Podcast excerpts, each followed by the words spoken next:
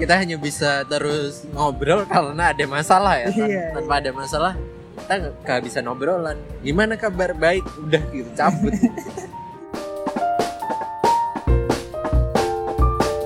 Konsekuensi dari mengidentifikasi masalah ya berusaha menyelesaikan masalah tersebut. Oke.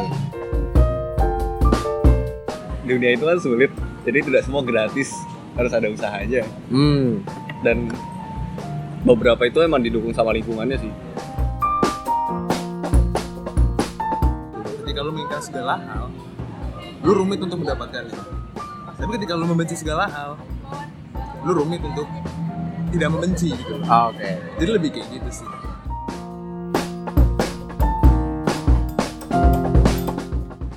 Eh, selamat datang kembali di Akil Balik setelah kita hiatus berapa lama aja? Dua semester Dua semester? Oh satu tahun. Dari tahun lalu. Terakhir itu sebelum aku pergi ke Shanghai. Terus habis dan kembali Kembali membawa- kembali membawa corona. Kembali sebelum corona merebak. Itu udah udah mau take ini sih episode baru cuman akhirnya gagal.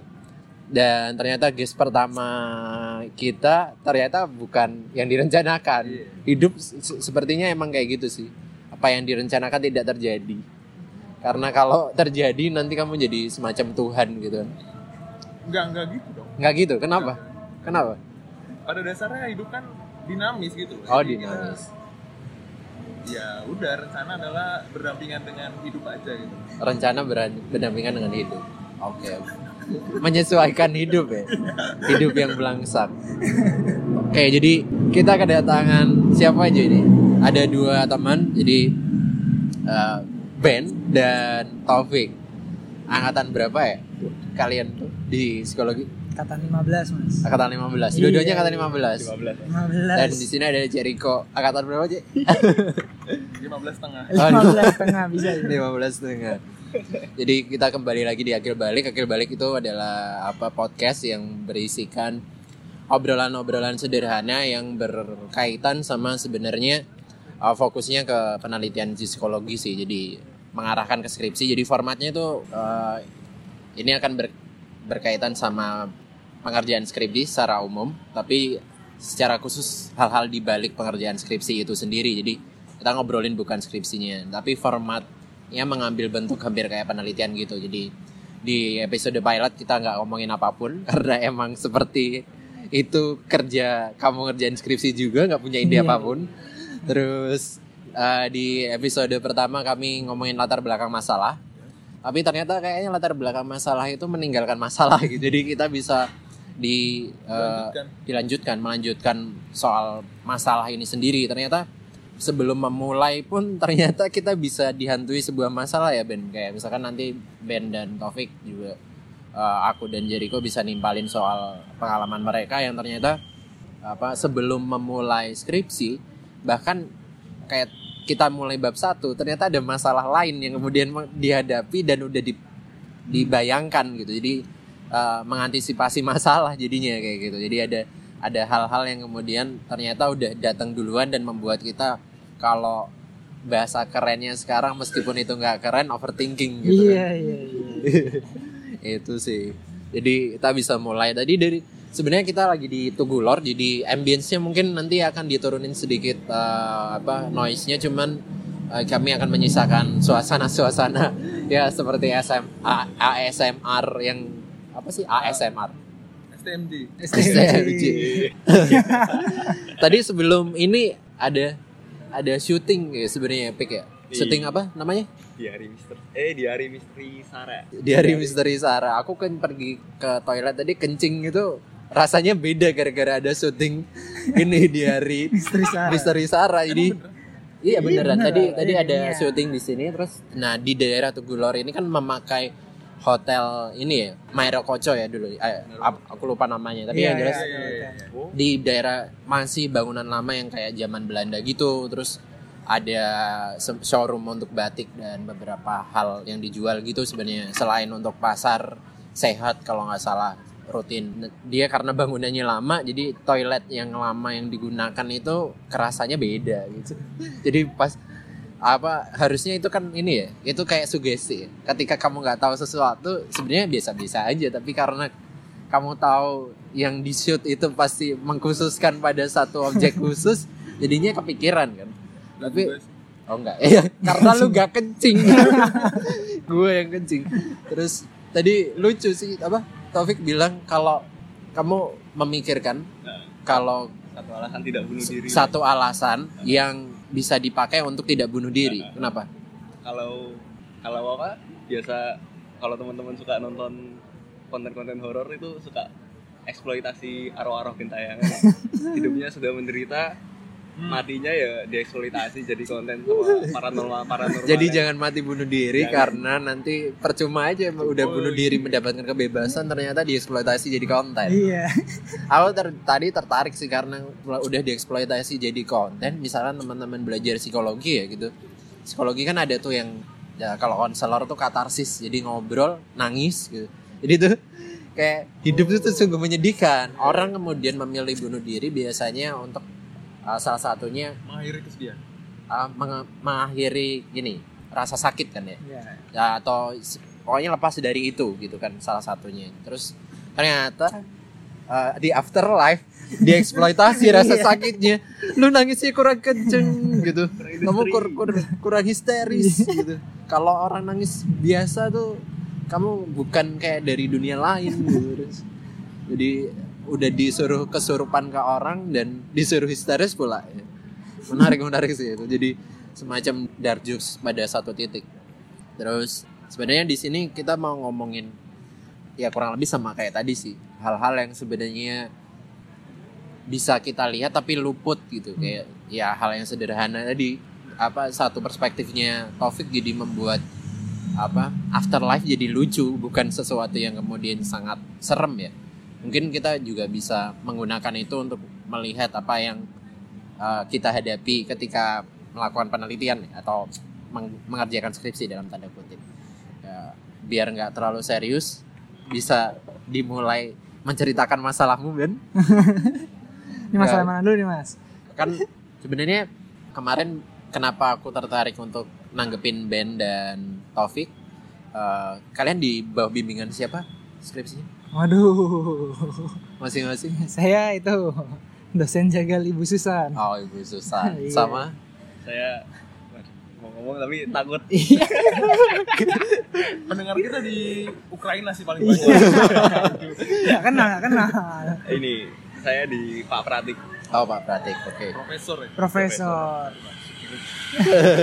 sebenarnya sebelum ke ini ya sebelum ke masalah ya masalah itu sendiri jadi kayak misalkan latar belakang masalah kan selalu menceritakan ada masalah jadi kita mau ngulik tentang sesuatu yang kemudian jadi penelitian dan apa ada beberapa orang yang memilih masalah itu buat dia menarik gitu Iya. jadi pada satu titik ya gitu titik. kayak menarik untuk diteliti gitu. Jadi mereka memulai segala sesuatunya dari dari masalah yang eh, keresahan sendiri gitu. Tapi ada juga yang kemudian datang dari sesuatu di luar diri gitu.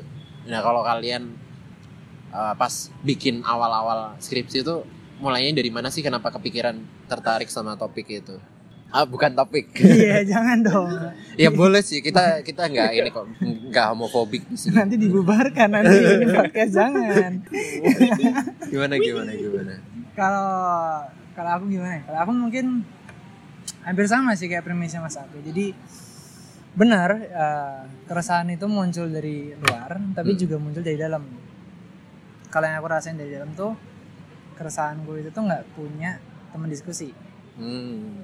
Jadi seolah ketika aku dapetin topik yang kira-kira cukup apa ya bahasanya mungkin cukup keren gitu ya itu kayak aku ngerasa wah ini bisa banget nih buat selain memang aku ada ketertarikan meneliti ke arah situ Hmm. tapi juga ada kayak kemungkinan bahwa aku bisa dapat ruang-ruang diskusi dari topik yang aku pilih Hmm, emang topikmu apa sih?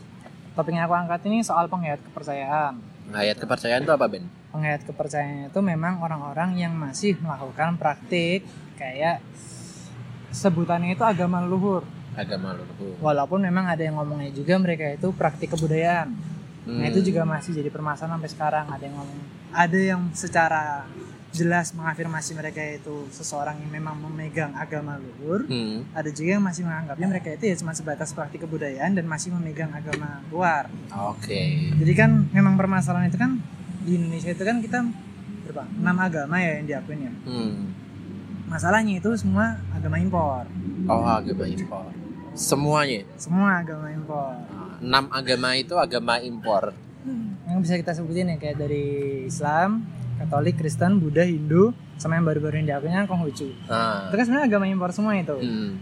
nah terus apakah sebenarnya Indonesia itu ada agama aslinya ada jadi emang bahkan dari zaman apa ya dari zaman 4000 tahun awal itu udah ada Ah, Oke. orang-orang yang kemudian kalau misalnya kita ngelihat dari itu ya sudut pandangnya kolonialisme Belanda orang-orang yang dinamis animisme gitu Hmm.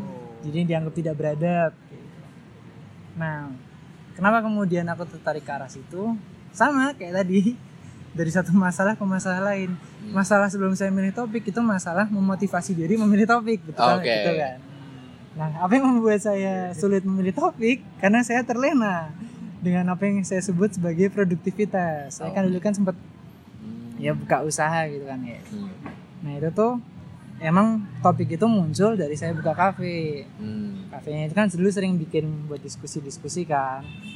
Nah entah kebetulan atau tidak atau kemudian kalau misalnya mau ngambil sudut pandangnya jaring sih itu semesta semesta yang kemudian membuat saya akhirnya bertemu dengan orang-orang itu. Ah, akhirnya sempat ngadain satu diskusi yang memang membahas penghayat. Ah, Oke. jadi yang dari saya belum kenal jadi kenal dengan namanya penghayat dari situ emang kemudian ada kepikiran menarik nih kalau di, di, di psikologi kayak gitu. Hmm.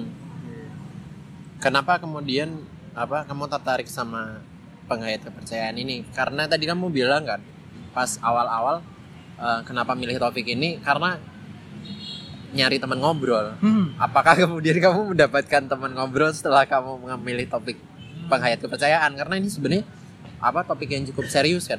Dalam artian nggak banyak orang yang tahu juga gitu.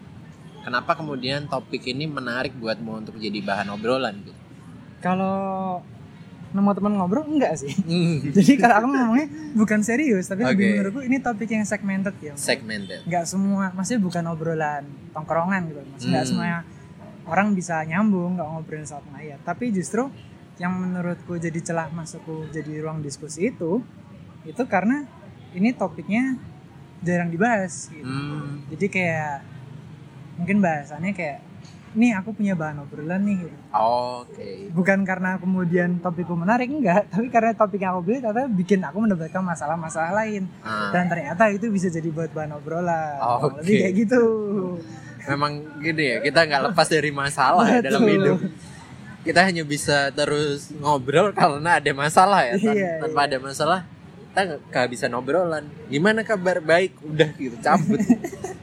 malah jadi rumit ya iya, itu itu juga kemarin aku juga ini mikir itu sih. Hidup tuh emang rumit ya. Karena apa yang dijanjikan setelah kematian aku bilang juga sama Taufik sama ini Ben juga kan sangat sederhana antara lu disodomi di neraka atau kamu dapat puja-puji dewa-dewi di surga gitu sangat sederhana maka dunia rumit jadi kamu harus menyederhanakan dunia ini untuk dijalani sampai nanti kemudian mati entah ada afterlife atau enggak itu urusan lain tapi yang jelas setelah afterlife pun itu ka- kayak kata topik kamu masih bisa dieksploitasi Tapi bener kok mas, di Gimana, neraka itu gimana? bakal disodomi. iya Oh, oh ya enggak lah. Itu itu berdasarkan agama yang aku percaya ya. Itu dulu Agama ada impor agama impor yang aku percaya.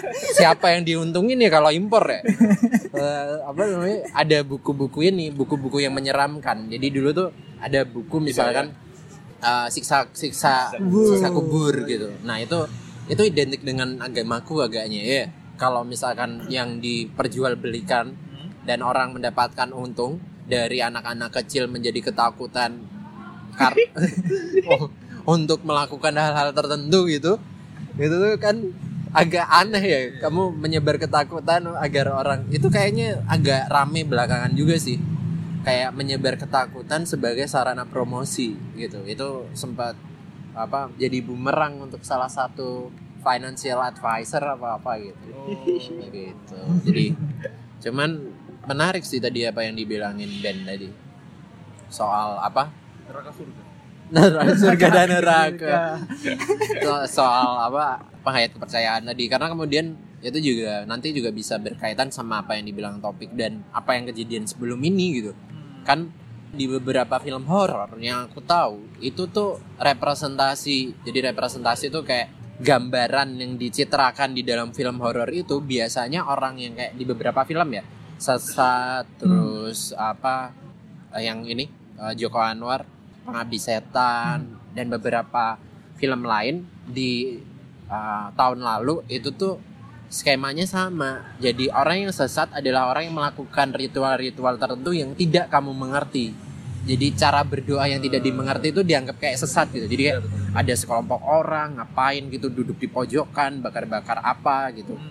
Eh, Padahal bisa aja itu cara berdoa mereka gitu. Tapi mereka apa dilihat seolah-olah sesat gitu dalam artian menyimpang dari apa yang seharusnya gitu kan. Jadi apa itu di- mes- diam-diam masih ada semacam stigma yang kena ke orang di film horor. Karena kita masih me- kemudian mengimani. Sih. ya nggak sih? Kayak ngerasain ketika kamu nonton film horor orang-orang kayak gini yang kita tidak tahu cara berdoanya kemudian kayaknya kita harus jauh-jauh dari mereka Hmm. deh. Kayaknya nanti kita ikutan menyimpang atau itu selalu berujung kepada keburukan itu loh antara keburukan diri sendiri atau keburukan orang lain. Kayak misalkan menga- mengakibatkan keburukan buat orang lain gitu.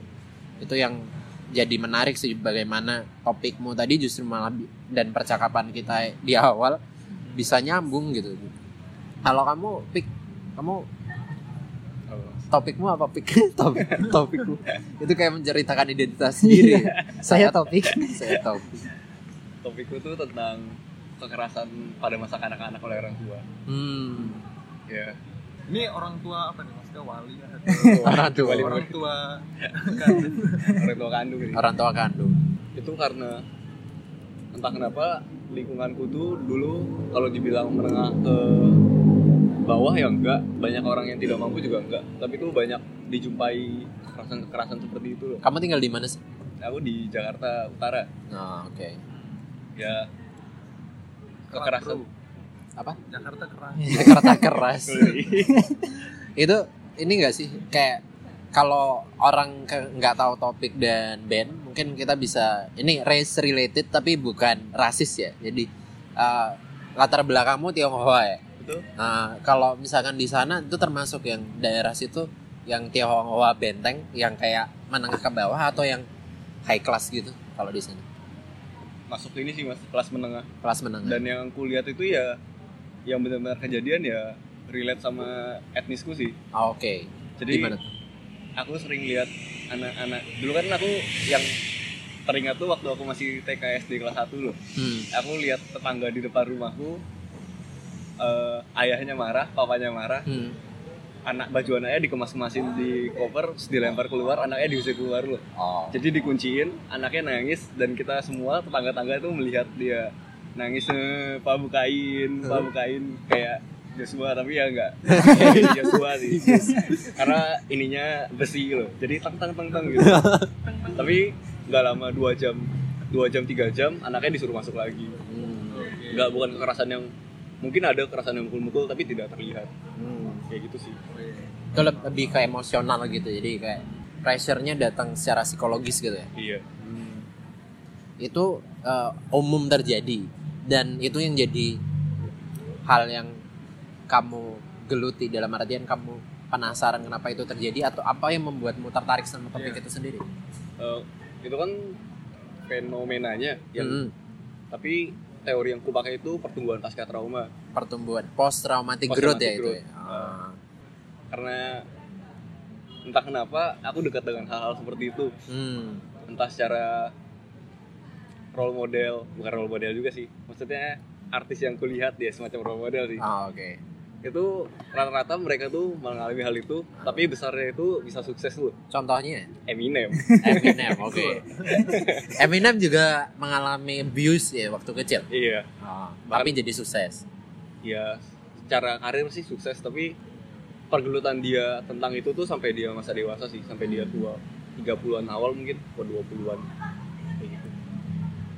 Dan satu liriknya dia tuh yang akhirnya aku memilih itu tuh di satu lagunya tuh dia pernah ngomong dia kan ditinggal ayahnya. Jadi Hmm. dari kecil tuh dia tidak mengenal ayahnya. Hmm. tapi di satu lagu itu dia tetap memandang ayahnya sebagai eh, dia tetap berterima kasih pada ayahnya karena Hmm. dia mengajarkan sesuatu yang tidak perlu dia tidak tidak boleh dia lakukan kepada anaknya lu Oh. itu menurutku deep Oh, iya. menurutku Oh, deep jadi sih. jadi refer ke dirinya sendiri ya bahwa gue ditinggalin nih, Heeh. gue nggak boleh ninggalin orang. Heeh. kayak gitu sih Keren sih. Keren. Ah, menarik sih itu. Jadi aku penasaran itu di salah satu lagu ya. salah satu lagu Apa judulnya? Ingat ya? Sebagai seorang penggemar Eminem. A Rose atau Castle Hmm. Rose kayaknya deh Oke oke. Kamu jadinya uh, secara tidak langsung berarti melihat uh, pencapaian Eminem itu sebagai sebuah growth gitu ya.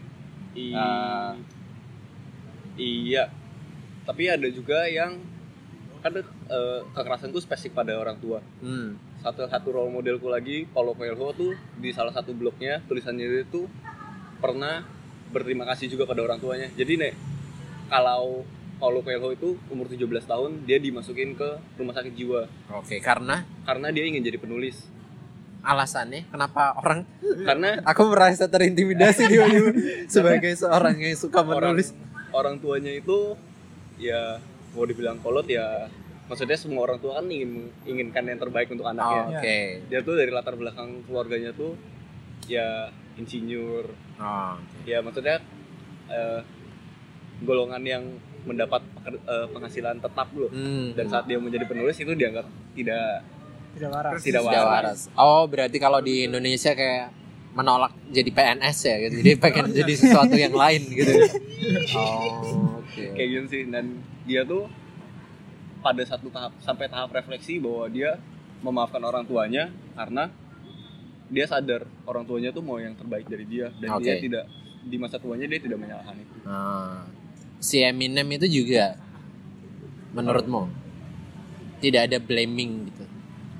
sebenarnya dia masih blaming sama ibunya sih karena ibunya uh, abuse. Tapi Ah, kayak 2011 sudah saling memaafkan. Eminem tuh sempat disu sama ibunya sendiri berapa Oh. puluh juta dolar. Karena karena? dia buat satu lagu yang sangat intimidatif. Cleaning out my closet. Cleaning cleaning out closet kalau nggak salah. Oh ya ya. itu kan sangat intimidatif dia di lagu itu menceritakan abusive seberapa abusive-nya ibunya kepada dia Ah, dan itu kan dipublikasikan. Itu kalau di sekarang kayak ini ya, kayak menimpa beberapa musisi ya, kayak gara-gara UU ITE ya nggak sih itu? Jadi ya pencemaran nama baik gitu. Oke. Menarik sih dan eh, aku pernah baca ya.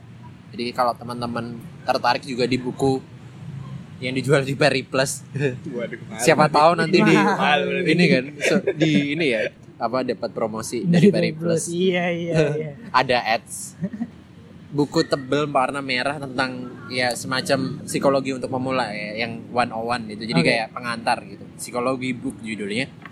Ada salah satu bagian yang ngomongin soal uh, masculine psychology Hmm. jadi salah satu fokus di situ kalau nggak salah tuh dia orang Prancis seingatku ya yang dibahas ini orang yang mencoba membahas hal yang sama kayak yang di keresahan yang dilihat Taufik tadi ketiadaan ayahnya karena kalau ibu kan kehadirannya pada satu titik tetap dibutuhkan ya kayak misalkan as, apa kebutuhan untuk asi setidaknya Oke. tapi ayah kan nggak langsung Hmm. bonding secara fisik ya. Jadi di chapter itu tuh dibilang memang terutama untuk anak laki-laki dengan ayahnya ya. Relasinya tuh lebih antara dingin dan hangat gitu. Karena kemudian pada satu titik eh, ayahnya bisa jadi hangat tetapi untuk eh, anaknya menemukan dirinya sendiri, maksudnya identitas dia sendiri, dia perlu apa berjarak gitu dari si ayah supaya dia nggak kayak cuma imitating nggak Oke. cuma niru ayahnya model terus aku gue harus kayak ayah gue gitu dan hampir semuanya mengacu ayahnya. Kan itu jadi kayak apa ya pada satu titik bisa menjadi bumerang ya. Karena kehidupan seseorang kan berbeda ya. Dalam artian apa yang dihadapi ayahnya dan anak ini beda kan.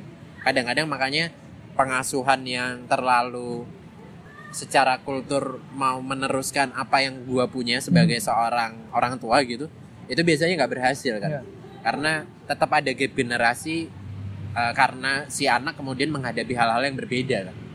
Nah di situ disentuh sedikit-sedikit di mana sebagai seorang ayah terhadap anak laki-lakinya itu emang eh, relasinya agak agak cukup tricky gitu. Dia nggak bisa semata-mata ngimbris anaknya penuh. Terus eh, kalau Ben pernah ngomong tuh soal helikopter parenting Iya, gitu kan ya, jadi kayak diawasin terus menerus nggak boleh sedih nggak boleh sakit nggak boleh hal-hal buruk tuh nggak pernah dihadapi gitu. Padahal di, di dunia ini penuh masalah kan. Jadi ketika dia dia menghadapi masalah itu jadi kayak pertanyaan kan.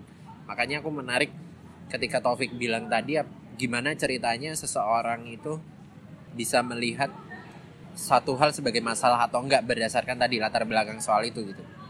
Dan terutama dengan keterkaitan sama bagaimana kehidupan dia di keluarga gitu.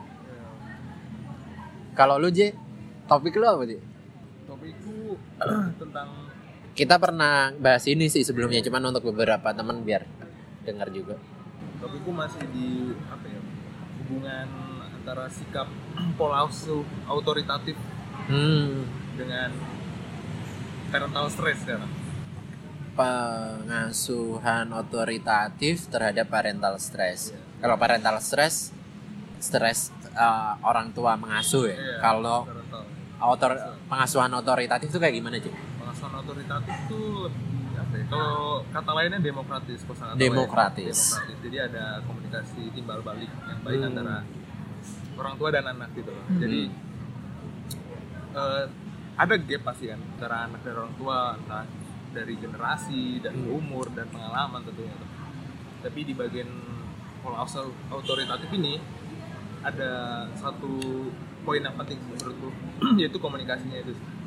Jadi ada timbal balik ada ada ada api yang tetap menyala sih di keluarga. Karena kalau dibandingkan dengan otoritatif ini salah satu gaya pola asuh yang di Baumrin. Baumrin. Tahun 1985 dia ngebagi menjadi tiga gaya pola asuh otoritatif otoritarian Hmm. sama permisif gitu Oke. nah menurutku yang penting dari si otoritatif yaitu Bedanya tadi nah kalau otoritatif, Aut- aut- otoritarian sama permisif. Kalau otoritarian tuh lebih ke otoriter. Otoriter. Jadi otoriter adalah di mana orang tua ya hampir sama yang tadi kita obrolin sih poinnya Hmm. adalah kayak ada satu titik orang tua ingin menjadi role model dan Hmm. bahkan anaknya juga berusaha untuk menyerupai Iya. orang tuanya itu. Hmm. Itu sih. Jadi ada ada poin yang nggak ada di bagian ah, nggak ada Ah. poin ada ada poin yang nggak ada. Ah, jadi maksudnya nggak ada poin komunikasi yang baik Oke. antara orang tua dan anak di bagian Otoritarian. otoritarian. Karena di mana orang tua lebih di orang tuanya sih. Di Hmm. orang tua lebih menginginkan anaknya menjadi sesuatu yang menurut orang tua itu baik. Oke. Kalau di permisif tuh lebih ke dilepas aja sih gitu loh. Kayak Hmm. anak mau ngapain ya udah gitu loh. Hmm. Jadi baik lagi nggak ada poin komunikasinya itu sih. Oke. Pembeda utamanya berarti komunikasi. Hmm, jadi di beberapa jurnal dan Baurin juga mengatakan kalau pola otoritatif ini dianggap ideal, Ideal. ideal. Dan beberapa jurnal juga mengatakan kalau orang tua menggunakan gaya pola asuh ini tingkat parental stressnya cukup rendah. Nah, berarti berguna untuk si anak tap- tapi juga berguna untuk orang tua. Iya gitu. betul. Oh, menarik. Kenapa kamu tertarik sama isu itu, Ci? Karena kalau ya lebih kurang apa ya? Karena menarik sih ngebahas pola asuh gitu loh. Kalau kalau di psikologi kan kita berangkat banget semester 1 kita dibahas tentang psikologi? Psikoanalisa atau Iya, psikoanalisa. Analisa, oke. Jadi ya kita dijejali itu dan aku selalu mengingat kata pertama setiap aku tertarik dengan suatu hal gitu. Maksudnya Hmm. kayak aku masuk psikologi ya karena aku tertarik dan aku selalu mengingat satu kata tiap hari aku masuk kelas. apa itu?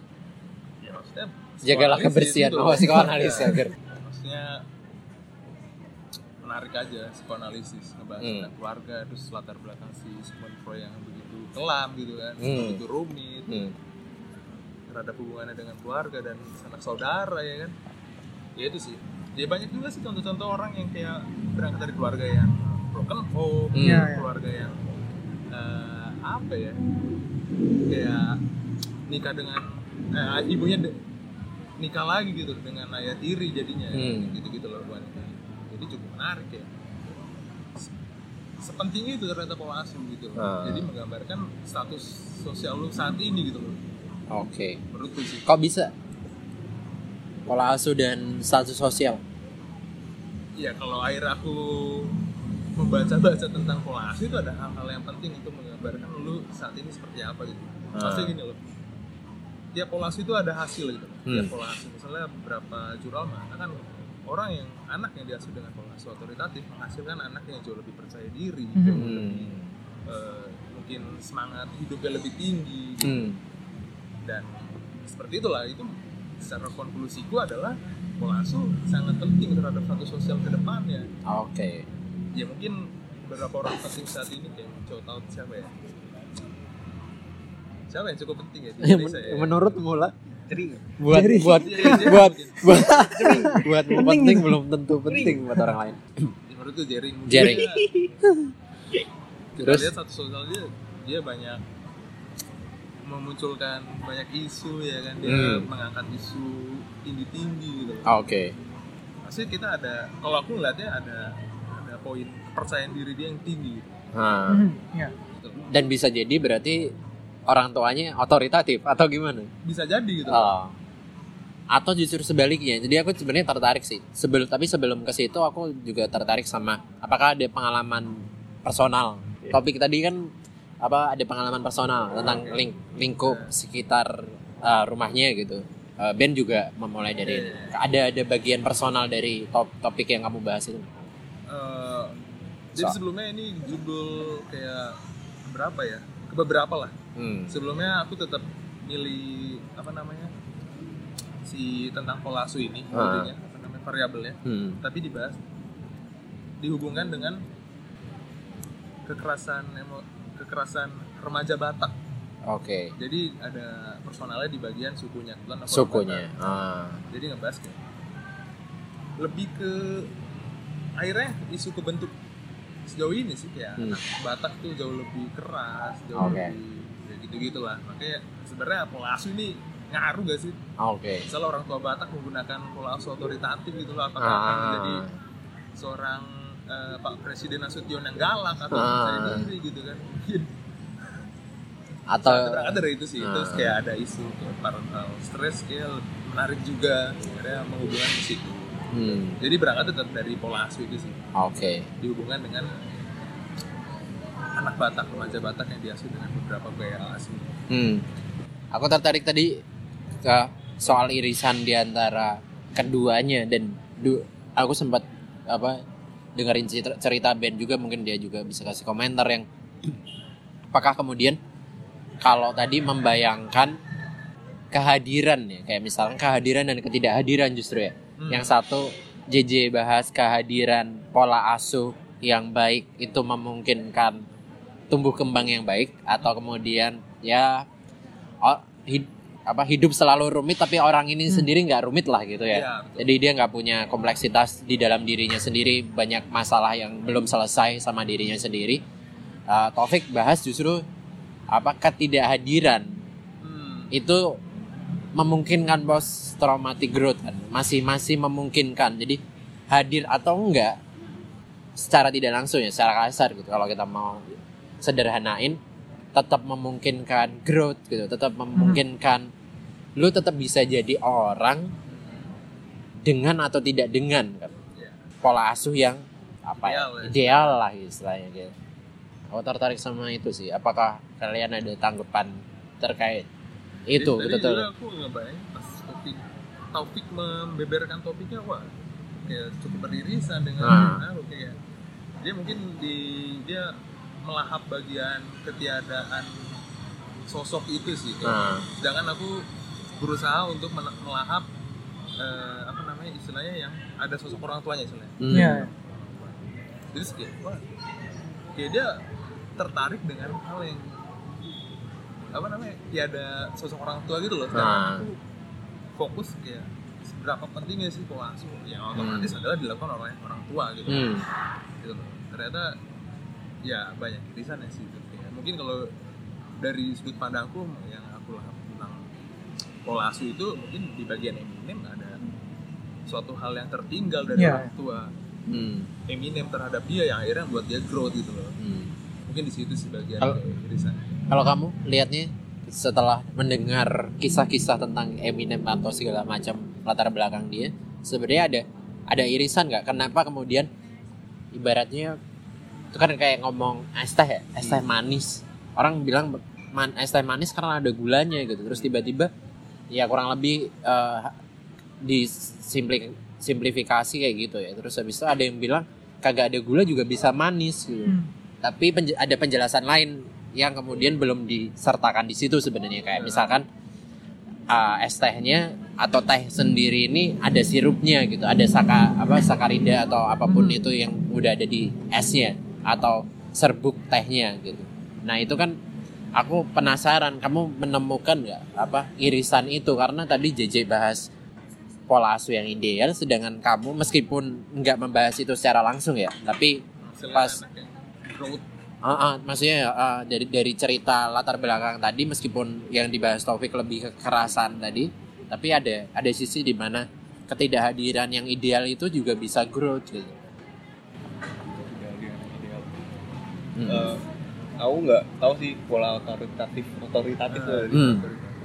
menurutku sih penting tapi eh, apalagi buat anak laki-laki ya tadi Nah, kalau dikasih kalau Iya. di track back di track back balik ke Eminem emang tadi emang Asep bilang dia bisa cari role model lain tapi kan pada masa tertentu seorang anak bakal langsung melihat ayahnya tuh Oke. sebagai menurut gua anak laki-laki akan melihat ayahnya sebagai role model pertama Hmm. entah seterusnya dia akan mencari role model lain itu urusan belakangan Oke. tapi pasti yang pertama dilihat pasti ayahnya Nah. kalau kehilangan itu dia kan tidak ada arah Nah. tapi tadi yang otoritatif sampai seberapa tua sampai seberapa besar anak itu harus dididik sama orang tuanya sih Oke. karena Ya. pada akhirnya kalau orang tua selalu memegang anaknya terus itu bakal jadi tekanan batin buat anaknya sih menurutku ya Hmm. Kayak aku tertarik sama ini. Am- Kamu ada cerita di balik yang kamu anggap misalkan terlepas dari subjek atau informan yang kemudian kamu ajak di penelitianmu ya, Hmm. yang kemudian aku nggak tahu udah udah wawancara, sudah udah. Nah itu kan ada cerita-cerita itu atau ceritanya Eminem yang tadi kayak misalkan, oh bapak gua kayak pohon nangka, jadi akhirnya ya karena bapaknya pohon nangka dia nggak pengen lah jadi pepohonan gitu, Nah, maksudnya gitu. dia memikirkan menjadikan sosok ayah justru membentuk dirinya tapi secara terbalik. Bukan niru ayahnya tapi gua nggak mau ah kayak kayak bapak gua gitu. Jadi apakah selalu bentuknya kayak gitu atau menurutmu ada hal-hal lain yang muncul gitu? Atau serta merta ya cuma ah, gua nggak bisa niru bokap gua makanya gua pilih satu model lain gitu. Kalau sampai kayak gitu kayaknya belum menemukan karena respondenku juga terbatas loh. Hmm. yang ingin menceritakan masa kelam anak-anaknya itu terbatas. Hmm. tapi yang banyak kan aku cuma wawancara bukan cuman sih. Aku hanya mendapat tiga aku hanya mendapat tiga responden. Ah, dan tiga tiganya itu malah mencoba memaafkan. Jadi ada satu respondenku tuh dia mencoba memaklumi kekerasan yang diterima pada masa kanak-kanak. Oke. Karena dia merasa orang tuanya itu menduplikat apa yang di sekolah asuh kakek neneknya. Oh. Jadi dia cuma oh ini mungkin bukan murni salah ayah ibuku. Salah ayah Ibu. ayah ibu ayah ibumu gitu. Terus menerus. Tan regresi tak berakhir itu mundur terus. Akhirnya siapa salah Nabi Adam. Waduh. Enggak salah munculnya agama impor sih. Salah salah munculnya agama impor. Bagus. Tapi menarik ketika kamu bilang hmm, kayak membayangkan bahwa apa sebenarnya yang dialami itu memang nggak ideal gitu. Tapi itu juga tidak serta merta salah siapa pun di Iya. sekeliling keluarga gitu. Nah aku penasaran ya balik lagi ke Paulo Coelho dan Eminem apakah kamu melihat ada jalurnya gitu itu kalau balik ke teori lagi mungkin bakal relate itu karena growth itu sebuah proses bukan sebuah yang akan terjadi pada semua orang Oke. Jadi itu sebuah usaha lah intinya. Oh berarti growth itu ini privilege juga. Nggak Pri- semua orang bisa mendapatkan growth. Betul. Oh. Karena ada usaha. Sedih banget ya. itu Iya, bukan Bang. satisfying sih Terus Ya, kan balik lagi kayak yang tadi Mas Ape bilang, dunia itu kan sulit. Jadi tidak semua gratis, harus ada usaha aja. hmm, Dan beberapa itu emang didukung sama lingkungannya sih. Kayak Paulo Coelho tuh mungkin karena dia pernah jadi hippie juga, mungkin itu membantu. kenapa kok hippie jadi membantu? Hippie itu kalau di Indonesia kayak apa tuh? Ada gambaran nggak bu? Yang suka pergi Pang. kelompok sosial ya sih Pang iya kelompok sosial pang ya Pang is not dead. paling deket pang ya Mungkin paling deket pang. sekelompok orang yang hidupnya kayak nggak ada beban gitu tapi sebenarnya mereka mengatasi masalah sehari-hari bersama-sama ya Iya. di sebuah komunitas gitu. Kalau di luar mungkin lebih identik dengan kayak slow living gitu ya di mereka ya memilih. Kalau di sini juga mungkin sejenis kejawen gitu. Sebelum sekarang di branding ulang dari apa istilah-istilah impor slow, slow living minimalism gitu kan. Oke oke. Kenapa kemudian kehidupan kayak gitu membuat si Paulo Coelho bisa grow? Apa ya? Kalau di lu baca dari biografi ya kan baca buku, baca biografi. Kebetulan beberapa bukunya dia tuh hasil refleksinya dia sih. oh Dan dia tuh kan kalau post traumatic growth tuh ada beberapa faktornya. Hmm. Menurutku, asumsiku ya karena udah diverifikasi oleh beliau sendiri. Mungkin kalau mau ngobrol bisa. dia tuh dia tuh spiritualnya kuat. Jadi Hmm. salah satu bukunya tuh dia menulis kisah perjalanannya dia. Dan spiritualnya dia tuh ya menyentuh menyentuh religius sedikit, tapi Hmm. dia mungkin langsung menuju ke arah Tuhan. Hmm. Dia tuh pernah ziarah jalan kaki dari mana sampai mana, tapi emang jalurnya itu jalur ziarah. Hmm. Santiago oh Santiago apa? I see, I see. Santiago da apa gitu aku lupa. Hmm. Ya ya. Dan dia menuju ke situ tuh ya agak sulit sih. Tapi kalau tertarik teman-teman mau baca ya ada bukunya. Hmm. Ada Ziarah. filmnya juga gitu Gak ada, dia tuh gak pernah mau bukunya difilmin Karena karena pasti berubah karena dia idealis. oh, ya, ya. Dia takut filmnya itu tidak sesuai dengan bukunya dia.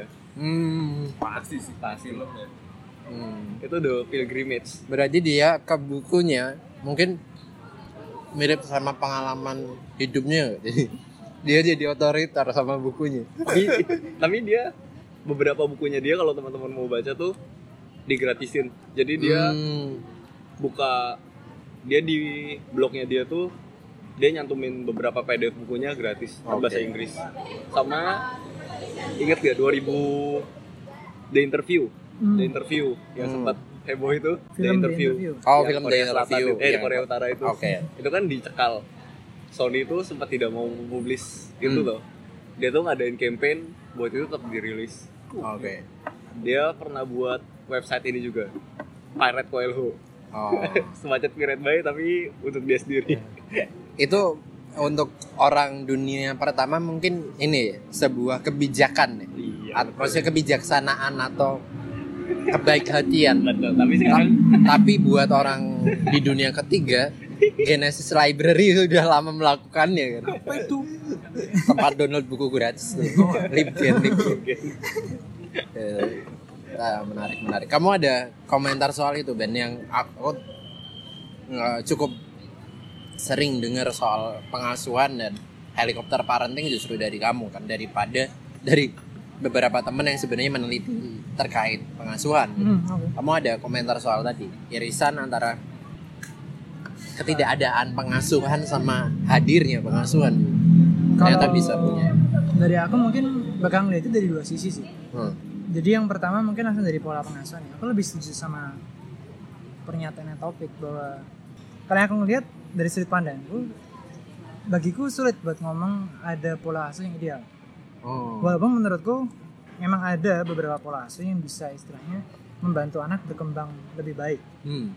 Jadi dulu kan sebelum aku milih topik yang soal penglihatan memang sempat juga ngebahas soal milenial. Hmm.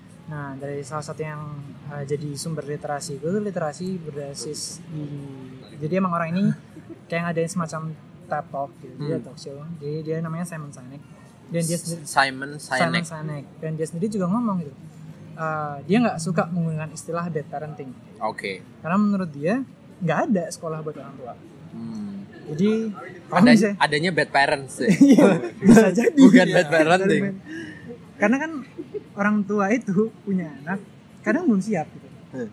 nggak ada nggak ada orang tua yang menurutku juga iya sih kamu bisa mengamini nggak ada orang tua yang siap untuk memiliki anak Hmm. yang ada mereka cuma punya bekal-bekal dari pola asuh sebelumnya kayak misalnya tadi kejadian jadi Hmm. kayak direproduksi ulang pola pola asuh itu atau kemudian dia memilih untuk tidak menggunakan pola asuh yang pernah dialamin gitu Hmm. jadi kan malah keterbalikannya Oke.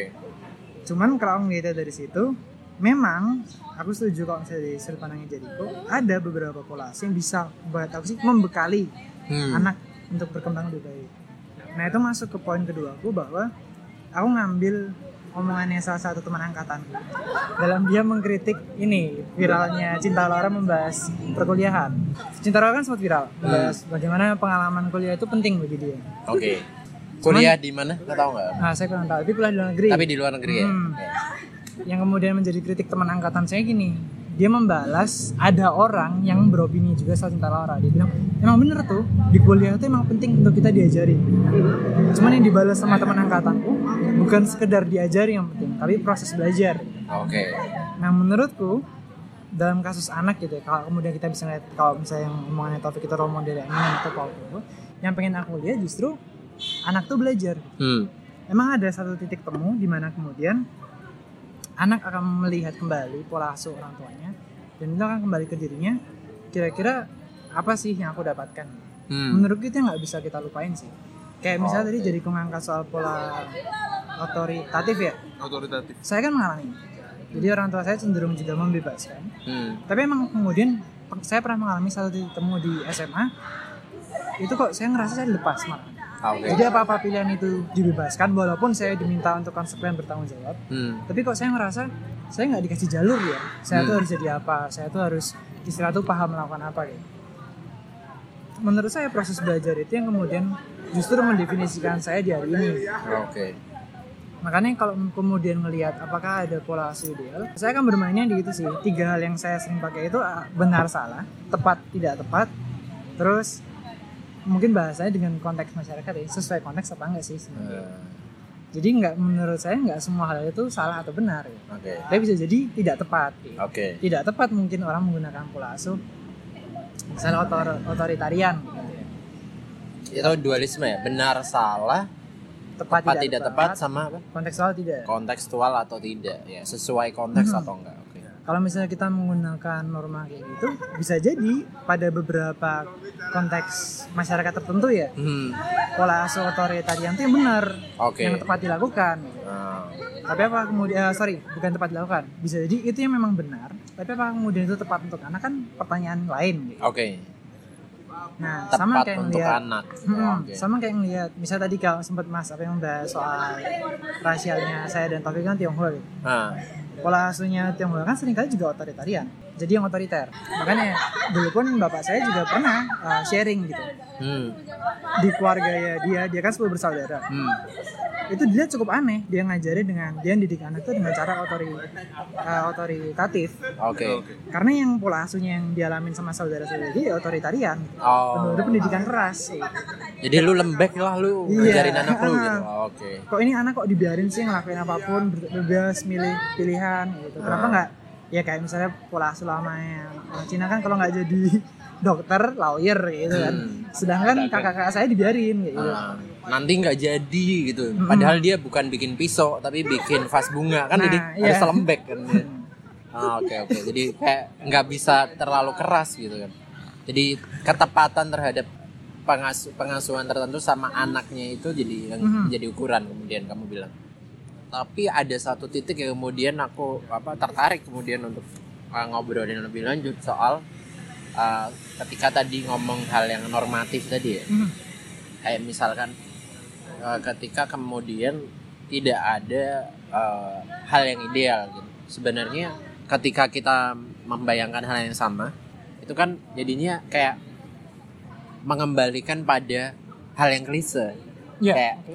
Ya kayak ya udah harus sesuai. Nah kesesuaian itu kan biasanya juga beririsan sama norma kan jadinya.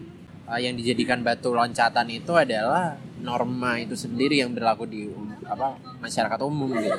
Ada celah lain nggak untuk melihat tanpa harus melihat itu ideal tapi setidaknya ini loh yang cukup mendekati lah menurut pandangan kalian masing-masing kayak dari pengalaman sendiri juga bisa ya. Misalkan kenapa kemudian seseorang tadi bisa sukses tapi kesuksesan itu juga dibarengi sama privilege kan? Belum tentu growth. Ya, itu sih rubit ya. Kayak iya dunia rumit dan dunia tuh sedih buat beberapa orang. Kayak dia dia udah berusaha sekuat tenaga kalau kata Ben lewat ini ya proses belajar gitu. Hmm. cuman bisa aja dia mempelajari sesuatu tapi hidupnya pahit tetepan. Karena nggak punya privilege tertentu. Menurutmu ada hal-hal tertentu yang secara umum nggak bisa dibalikin ke ini hal yang klise ya udah itu sesuai dengan gitu. Ada nggak? Ya kalau menurut gue sih apa ya itu lebih ke pada umumnya seseorang sih kalau menurut gue adalah lagi benci segala hal dan Oke. menginginkan segala hal. Hmm. cuma dua itu doang sih. Jadi ketika ya udah lu pengen rumit di bagian mana gitu loh. Ketika lu menginginkan segala hal lu rumit untuk mendapatkannya tapi ketika lu membenci segala hal lu rumit untuk tidak membenci gitu loh oke jadi lebih kayak gitu sih Jadi yang perlu dilihat adalah ekspektasi. Iya. Nah, menarik itu ketika kalian ada tanggapan nggak ketika misalkan JJ bilang kayak gitu, ekspektasi kan itu bisa terbentuk kalau anaknya udah gede nih. Hmm. Aslinya dia udah sadar gue kayak gimana posisinya gitu sekarang. Tapi ketika anak kecil kan dia nggak bisa lepas dari pola-pola itu tadi. Entah itu yang semasa kecil misalkan apa mendapatkan perilaku abusive, pas gede juga mungkin terjebak dalam lingkaran yang sama gitu. Karena mungkin dia mencari sesuatu yang tidak didapatkan waktu kecil pas nyari itu justru tidak mendapatkan sehat karena kemudian apa yang dia cari itu sebenarnya kebutuhan itu perlunya waktu dia kecil bukan sekarang gitu. Kadang-kadang kan dia jadi terjebak dalam misalkan abusive relationship gitu. Karena dia dependent sama orang yang kemudian dia pikir bakal ini bakal memenuhi apa pun yang kayak kata JJ tadi yang diinginkan. Celahnya apa sih sebenarnya ketika mau membicarakan soal pengasuhan tadi gitu? Karena tidak semata-mata kita bisa kayak ya udah itu salah salah maksudnya dalam artian tanggung jawab lu gitu kan. Satu hal juga sih kayak menurutku yang paling penting itu kayak dalam kondisi segala kerumitan tadi itu sih Hmm. kayak misalnya kayak lu butuh sosok sosok orang tua kah atau tidak butuh sosok orang tua kah ataupun ngebahas tentang apa penghayatan kata dia Hmm. topik Nah, pada dasarnya manusia tuh cuma butuh adalah kosakata sih. Itu obat paling penting sih menurut gue kosakata tuh gimana kosakata sih yang penting. Kosa misalnya gini kayak lu tidak menemukan atau tidak tahu ada kosakata stres. Tapi kondisi lu adalah lu pengen sesuatu tapi lu nggak dapet oke. Lu kejar terus tapi sedangkan lu belum punya modal yang baik untuk mendapatkan itu. Sedangkan Oke. lu nggak tahu lu lagi di posisi apa karena dia nggak tahu kosakata stres. Oke. Ketika dia tahu kosakata stres mungkin oke gue lagi stres jadi itu adalah kondisi yang normal gitu loh. Oh, jadi ketika oke. dia nggak nggak tahu kosakata itu dan dia tidak mendapatkan poin gue dalam kondisi baik-baik saja tapi dengan kondisi stres. Akhirnya dia ya udah gitu-gitu terus. Jadi, ah. jadi keidealan itu tetap ya ya bingung sih gue juga ngomongnya. Menarik menarik. Jadi berarti tetap aja paling penting kalau menurut gue adalah kosakata itu paling bikin tenang lah. Maksudnya lu pembelaan sih kayak manusia kan pada umumnya kayak main. Ya itu lah. Nggak nggak pernah puas dan nggak pernah lain. Hmm. tapi Ah. ketika lu tahu oke eh, gini deh. Lebih kurang kayak tadi sih gue pengen ngebalikin kayak lu pengen sesuatu atau secara nyatanya adalah gue pengen eh, MacBook istilahnya gitu. Sedangkan gue belum belum punya duit gitu loh. Nah tapi lu nggak ada kosakata untuk kerja. Hmm. Ya udah lu cuma pengen MacBook tapi lu nggak punya duit lu nggak punya lu pengen MacBook nggak punya duit tapi lu ah. ngelupain kosakata kerja istilahnya. Ah.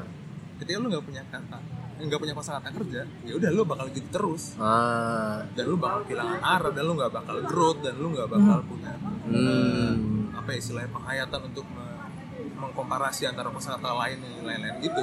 Oh. Jadi sebatas itu gitu. Berarti uh, kosakata tadi membantu mengidentifikasi proses apa yang Ya. sedang kita alami dan itu yang sering terjadi di yang sering gua gua itu sih gua bilang kayak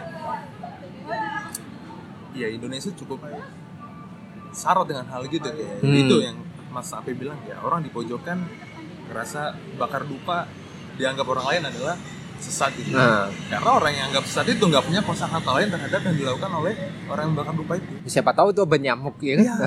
Iya. Itu bakar sampah. Oh, ya. Bakar, bakar sama bakar sama bentuknya kayak dupa itu juga lumayan itu. aneh itu. Tapi maksudnya keanehan tuh kadang-kadang karena kita Ya. tidak memahami kan. Ya. Jadi kayak persis kayak yang dibilang JJ tadi juga. Kamu sedang mengalami sesuatu kok aneh gitu, tapi kamu nggak bisa menamai itu apa gitu. Jadinya kamu belum bisa menemukan harus menanggapinya kayak gimana. Betul. Menarik sih itu. Jadinya itu kabar bincangan soal yang lain yang kemudian pengen tak tanyain juga tadi waktu awal-awal ngobrol sama Ben sama topik tadi juga gitu soal apa bagaimana menormalisasi sesuatu dalam artian uh, kita kadang ini ya terjebak sama norma itu sendiri dan merasa sedih atau uh, tidak senang hati karena terjebak bahwa ini harus nih. Ya. jadi kamu apa ini harusnya kayak gini terus habis itu kamu ingin mencapai hal yang sama karena kebanyakan orang mengalami hal yang sama gitu. Terus habis itu kok aku belum mendapatkannya gitu. Padahal dia nggak kalau kata pakai istilahnya JJ nggak menamai prosesnya nggak memberikan kata pada proses apa yang sedang dia alami gitu. Dan uh, di satu sisi itu menarik karena kemudian bagaimana kita bisa ini ngerasa apa?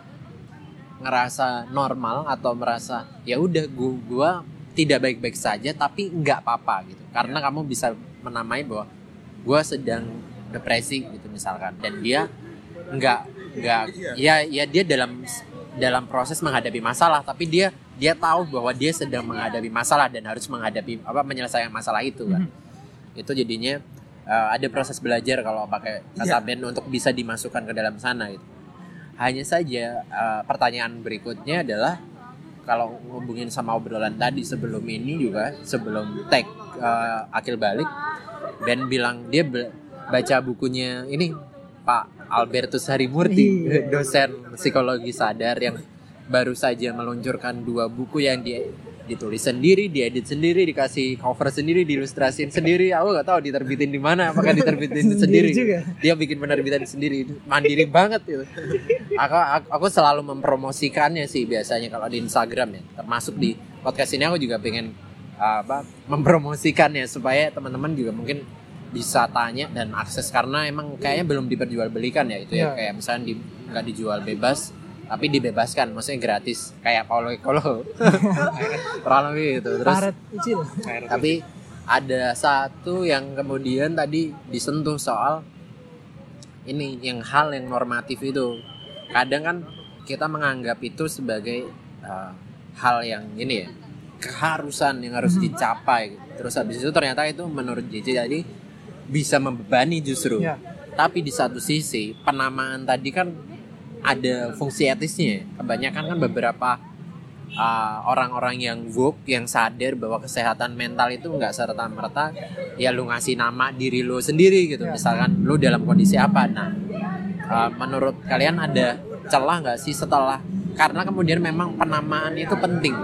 Kayak sebenarnya tapi yang penting tuh bukan ngasih namanya tapi mengidentifikasi apa aja Tapi gampangnya masuk Yang- adalah kosakata itu. Benar, kosakata itu paling paling sederhana untuk menggambarkan itu. Intinya lu kasih nama sehingga kamu tahu apa Titik lu lagi di mana? titik lu lagi di mana dan apa yang lu alamin. Jadi ada beberapa hal lain yang menjelaskan nama itu kan sebenarnya.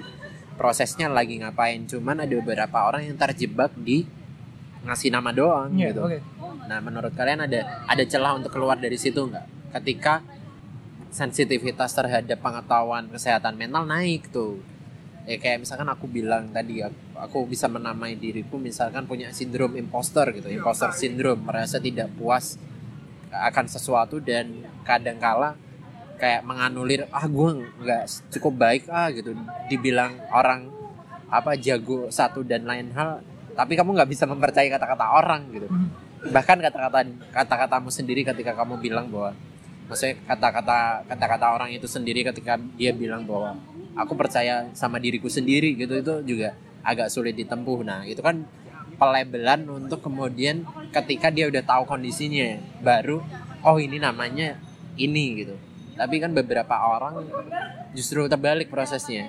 Mereka mencari apa yang mereka rasain, dapat label yang kira-kira Ya. cocok, terus akhirnya ada beberapa hal yang kemudian muncul setelah pelabelan. Ada celah yang untuk ngelihat itu nggak sih di tengah maraknya promosi kesehatan mental ini menurut kalian? kalau dari aku mungkin aku setuju banget sih sama omongannya jadi jadi itu kan kayak kalau yang lagi di marak juga lagi diangkat sekarang itu kan sebenarnya itu kan bentuk praktik dari mindfulness juga sih Oke. jadi menurutku benar eh, salah satu yang mungkin justru membuat kita juga menjadi rumit dalam masalah karena kita juga tidak mampu mengidentifikasi dalam bentuk kosakata tersebut Hmm, cuman yang kemudian muncul sekarang kita malah terjebak dengan kosakata itu Oke. dengan penggunaan label-label uh, tersebut tuh kita malah mengafirmasi diri kita padahal ada konsekuensi ketika kita mengidentifikasi permasalahan tersebut ya harusnya ada konsekuensi kita bergerak menyelesaikan masalah Uh, yang sering aku ngobrol sama teman-teman yang kemudian mungkin curhat colongan dia curhat Hmm. curcol-curcol gitu ke aku salah satu cara menyelesaikan masalah ya langkah pertama menyadari bahwa itu ada masalah jadi menyadari, terse- uh, menyadari terlebih dahulu ini ada masalah loh. Hmm, dengan sudut pandangnya Jericho kita dibantu dengan adanya kosakata. Oke. menurut penting bahwa kemudian kita mulai menyadari oh, apa sih yang sedang terjadi dengan diriku Eh, benar kayak kita hidup dalam masalah hidup kita udah rumit semakin rumit kalau kita nggak paham apa yang sedang terjadi dalam hidup kita kan? Dibantu dengan adanya kosakata bahwa kemudian oh sekarang aku sedang mengalami namanya stres. Hmm. cuman baru aja kayak kemarin malam ini aku ngobrol dengan salah satu adik tingkat. Nah aku coba ngangkat soal ini jadi pernah aku bahas juga power of words Power of words. kalau yang di Indonesia dan mungkin juga secara di Amerika gitu ya kita kan kenal tiga golden words kan Oke. thank you please sama sorry Oke. cuman kalau yang aku lihat sebenarnya banyak loh kosakata kosakata lainnya yang bakalan berdampak besar pada hidup kita kalau kita menggunakannya nggak hati-hati contoh sederhananya tuh? aja banyak ada tingkatnya aku istilah ngobrol sama aku tuh ngomongnya kak kak aku depresi ya Hmm. padahal bisa jadi sebenarnya dia lagi sedih Oke. aku hari ini nggak bisa makan kentang gitu terus dia sedih "Kok aku depresi ya hari ini Oke. itu kan berbahaya gitu Ah, Oke. maksudnya Intensitasnya bunuh diri, men. Ah, eh, ntar dieksploitasi lagi, dipanggil ke acara-acara mistis jangan. Terus bunuh diri. nah Oh kayaknya itu deh yang hantu bau kentang. yang ada kentang depresi bunuh diri Iya, bunuh Nyari diri, kentang dia. nyari kentang. Alah, baik. Terus dieksploitasi lagi jadiin film dijual. Lanjut nih, lanjut. Eh, terus balik lagi tadi kak dia merasa kayak kamu lagi sakit terus langkah pertamamu bukannya ke dokter nyari di Google ah misalnya ada nih bentol kecil ya di Oke. daerah ketiak kayak itu terus kamu "Eh, kok gatal sakit gitu Nah. kamu nyari di Google hasilnya tumor padahal itu dia megang tetanya sendiri.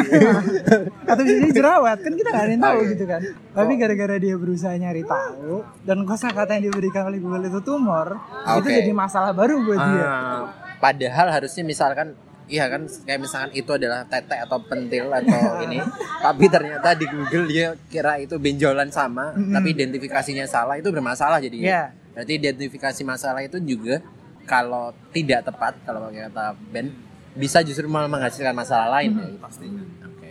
berarti kan bahwa bukan apa ya mungkin kalau kata yang kurang tepat beban itu beban dari mengidentifikasi masalah ya memang sorry konsekuensi ya. konsekuensi konsekuensi dari mengidentifikasi masalah ya berusaha menyelesaikan masalah tersebut oke nah kalau misalnya tadi kita ngelihat soal celah dengan kosakata ya berarti yang memang menurutku baik untuk dicoba ya apa ya dilakukan ya ketika kita berusaha mengidentifikasi masalah kita juga harus mampu memahami kosakata kosakata apa sih yang kemudian kita gunakan?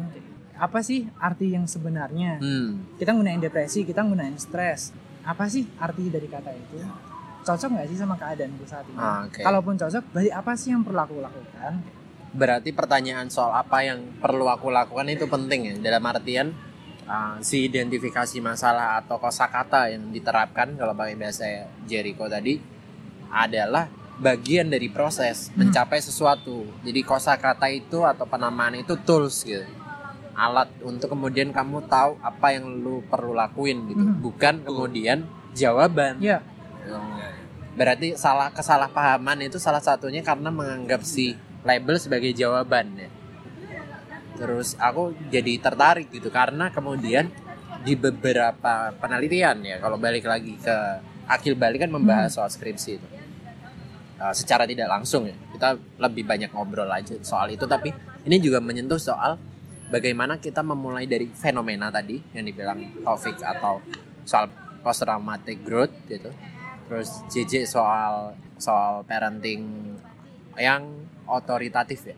Hmm, dan ada beberapa gaya yang lain terus kamu soal mengait kepercayaan tadi. pengayat kepercayaan dan apa ada satu Resiliensi. resiliensi Iya, iya, iya. itu itu kan jadi kata-kata kunci yang kemudian kalau pakai bahasa JJ kosakata yang dipakai untuk mengidentifikasi masalah gitu Mhm. ketika kita mau ngerjain skripsi nih atau ngerjain penelitian atau mencari tahu lebih lah dari apa yang kamu mau cari tahu tadi karena kita punya keresahan pribadi untuk kemudian apa kamu melihat ini sebagai masalah dan kamu mau menelitinya. Ada jebakan nggak sih dari penggunaan istilah kayak gitu gitu? Ketika jadi dalam artian penggunaannya harus kayak gimana gitu? Kayak misalkan tadi ternyata ada beberapa fenomena atau pengalaman yang nggak bisa dikerangkai lewat kosakata itu atau istilah itu gitu. Kayak misalkan mulai dari Taufik lah gitu setidaknya.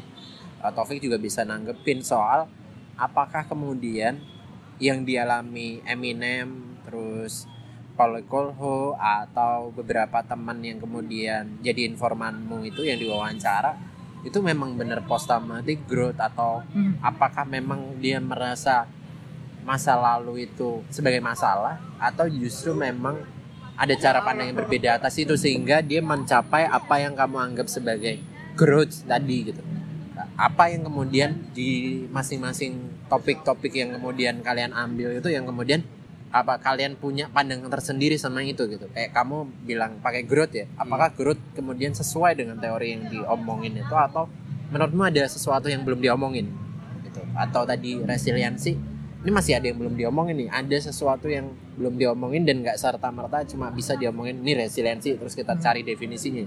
Atau yang tadi parenting gitu. Ada nggak sih yang kayak gitu kalau tempatku emang dari oh kalau emang dari kalau dari tempatku memang dari awal dari jurnalnya pun sudah mewanti-wanti. Nah, entah itu itu itu entah itu growth atau temennya katatis apa pengalihan apa pengalihan? Pengalihan displacement atau Proyeksi. sublimasi proyeksi. Bukan pengalihan seperti itu. Eh, lupa ya? istilah pengalihan apa? Boleh coba dijelaskan tanpa kita tanpa Oh, kita perlu kosakatanya Iya. dia kehilangan kosakata jadi masalah ya? Masalah, rumit. apa apa tadi? Dijelaskan. Entah Apa pengalihan itu kayak growth. entah itu growth atau Aduh, Aduh. apa ya? Tadi gue ingat. temennya pengalihan bukan mirip Eh, tapi bukan sebuah sinonim, growth. sinonim. sinonim atau Oh, bukan antonim growth. Bukan grow mirip tapi secara level tuh berbeda. Bukan sublimasi kayak gitu. Bukan bukan nggak masuk teorinya Freud. Tapi positif. Jadi Posi- dialihkan tapi positif. eh, positif tapi sementara. Jadi se- semu loh oh pengalihan semu. Apa ya namanya ya? Nanti kita bakal tulis ya. di deskripsi Iya, betul. Mantap. apakah kemudian eh, Taufik sampai detik ini sampai podcastnya kelar bakal menemukannya atau kalau enggak nanti kita tulis di deskripsi. Dan pokoknya intinya pengalihan yang positif tapi sementara ya. Nah. Sebenarnya bukan ya kata yang paling mendekati itu pengalihan, tapi Pengalihan. sebenarnya bukan kayaknya bukan pengalihan, pengalihan sih. Tapi itu istilah kayak istilah impor. Istilah impor Oke, betul. oke. itu yang diwanti-wanti. Yang diwanti-wanti. pertama. Karena apa? Kenapa diwanti-wanti? Karena itu bukan growth. Oh. Jadi ya bisa dibilang semacam displacement tapi apa ya? Pembeda pem- pem- pembeda utamanya dari sesuatu. Berbahayanya kehilangan kosakata. Ya, betul. Iya nggak bisa ngomong kayak misalkan eh, misalkan ketemu sama cewek gebetan. Aku mau ngomong sesuatu dia kehilangan kata cinta gitu. Terus habisnya dia nggak mungkin. Apa itu? Apa itu terus habisnya berak gitu kan nggak mungkin gitu kan nggak bisa representasikan karena tapi- kalau Nah, kalau balik lagi tapi perbedaan antara keduanya balik lagi ke situ. Karena kalau growth itu sudah dilakukan. Jadi Growth di- itu sudah dilakukan. sudah diinternalisasi secara mendalam. Oke. Kalau yang ini? Kalau yang satu lagi tuh kalau yang nggak bisa dinamakan ini? cuma dalam pikiran Voldemort kita sebut Voldemort. Nggak nggak boleh disebut namanya. Dia? Jadi cuma semu dalam pikirannya loh semu dalam pikirannya. Jadi akan berulang. dia Bedanya mer- itu? dia hanya merasa tidak benar-benar diinternalisasi diinternalisasikan loh. bedanya internalisasinya kayak gimana tuh kayak jadi sudah dijiwai. Kalau yang semu itu hanya terjadi dalam satu waktu-waktu loh. Periode waktu tertentu. Ya semacam itu. Tapi Hmm. kalau sudah dijiwai sudah mendarah daging. Sudah Jadi- mendarah daging. istilahnya sudah jadi backbone. Oke. oke. Dalam menghadapi masalah satu itu. Dalam menghadapi masalah itu dan masalah-masalah dan selanjutnya. masalah lain selanjutnya Eh, salah satu cirinya apa sih yang kemudian membedakan antara ini growth sama enggak? Gitu? yang paling utama tadi kan berarti internalisasi. Ada nggak oh ini udah growth gitu. Misalkan seseorang yang menghadapi satu masalah. Misalkan sedih ditinggalkan pacar gitu. Terus bagaimana kita bisa mengetahui dia growth gitu? Karena pengalaman traumatik apa berpisah gitu misalkan Em, jadi kalau post traumatic growth itu tidak tidak menghilangkan traumanya Oh, Oke. Dia tidak menghilangkan trauma ya. Tidak, tidak. Trauma tetap menjadi bagian Tetap dari. menjadi bagian hidupnya Oke. jadi tapi saat dia mendapat masalah selanjutnya seenggaknya dia jatuh lalu cepat bangkit Oke. minimal seperti itu Itu sama kayak resilient enggak itu? Cepat Kalau- bangkit ah, itu. kalau resilient kan tahapnya itu kembali ke dasar normal Oke. tapi kalau growth dia jatuh naik le- back melebih- jadi lebih tinggi lebih tinggi. daripada batas normal. Hmm. Jadi ibaratnya uh, ad- ada pencerahan lah gitu dari sebuah masalah ya kayak Iya. misalkan awalnya dia nggak punya masalah biasa aja anteng terus habis itu dapat Jatuh. masalah jatuh terus habis itu Resilient, dia balik ke titik normal. balik ke titik normal bahwa jadinya aman-aman aja tapi yang ini gara-gara masalah itu dia justru dapat posisi yang oh ternyata terbentur Sa- terbentur terben terbentuk. Terbensu. terbensu. Terbentur terbentuk. Saya hilang terbentur terbentur ter- terbenam juga bisa itu jadi dalam artian intinya apa dia kemudian bisa melihat bahwa ternyata cara pandangku sama hidup itu tuh ada problem di situ. Gitu. sehingga kenapa aku merasakan itu. Jadi dia kan kemudian melihat masalah dengan cara yang berbeda gitu. Iya oh ada perubahan perspektif lah kurang lebih kayak gitu ya kurang lebih kayak gitu Oke, itu yang kemudian kamu bilang internalisasi tadi ya. Jadi, Iya. ah, traumanya kagak serta merta hilang, Heeh. masih mungkin bisa dirasakan dan ke-trigger, tapi dia menghadapinya dengan cara yang berbeda. Betul. Oke, menarik sih. Kalau di pengerjaan apa skripsi itu kan ada ini ya, ke entah kamu pendekatannya kualitatif atau kuantitatif, kamu menentukan ini fenomena atau ini variabel gitu. Nah, kadang yang paling belangsak emang yang kuanti sih ketika variabelnya ternyata tidak cocok. Jadi apa yang diukur biasanya keluar di hasil tuh nggak cukup apa namanya? eh, kalau untuk bisa diulang lagi salah satunya eh, validasi sama reliabilitas. Nah, reliabilitasnya mungkin nggak cukup besar gitu kalau di di kuantitatif kadang-kadang. Ketika kita memilih satu variabel yang ternyata kosakata itu nggak cocok untuk menangkap fenomena atau misalkan kecenderungan tertentu yang coba diukur gitu.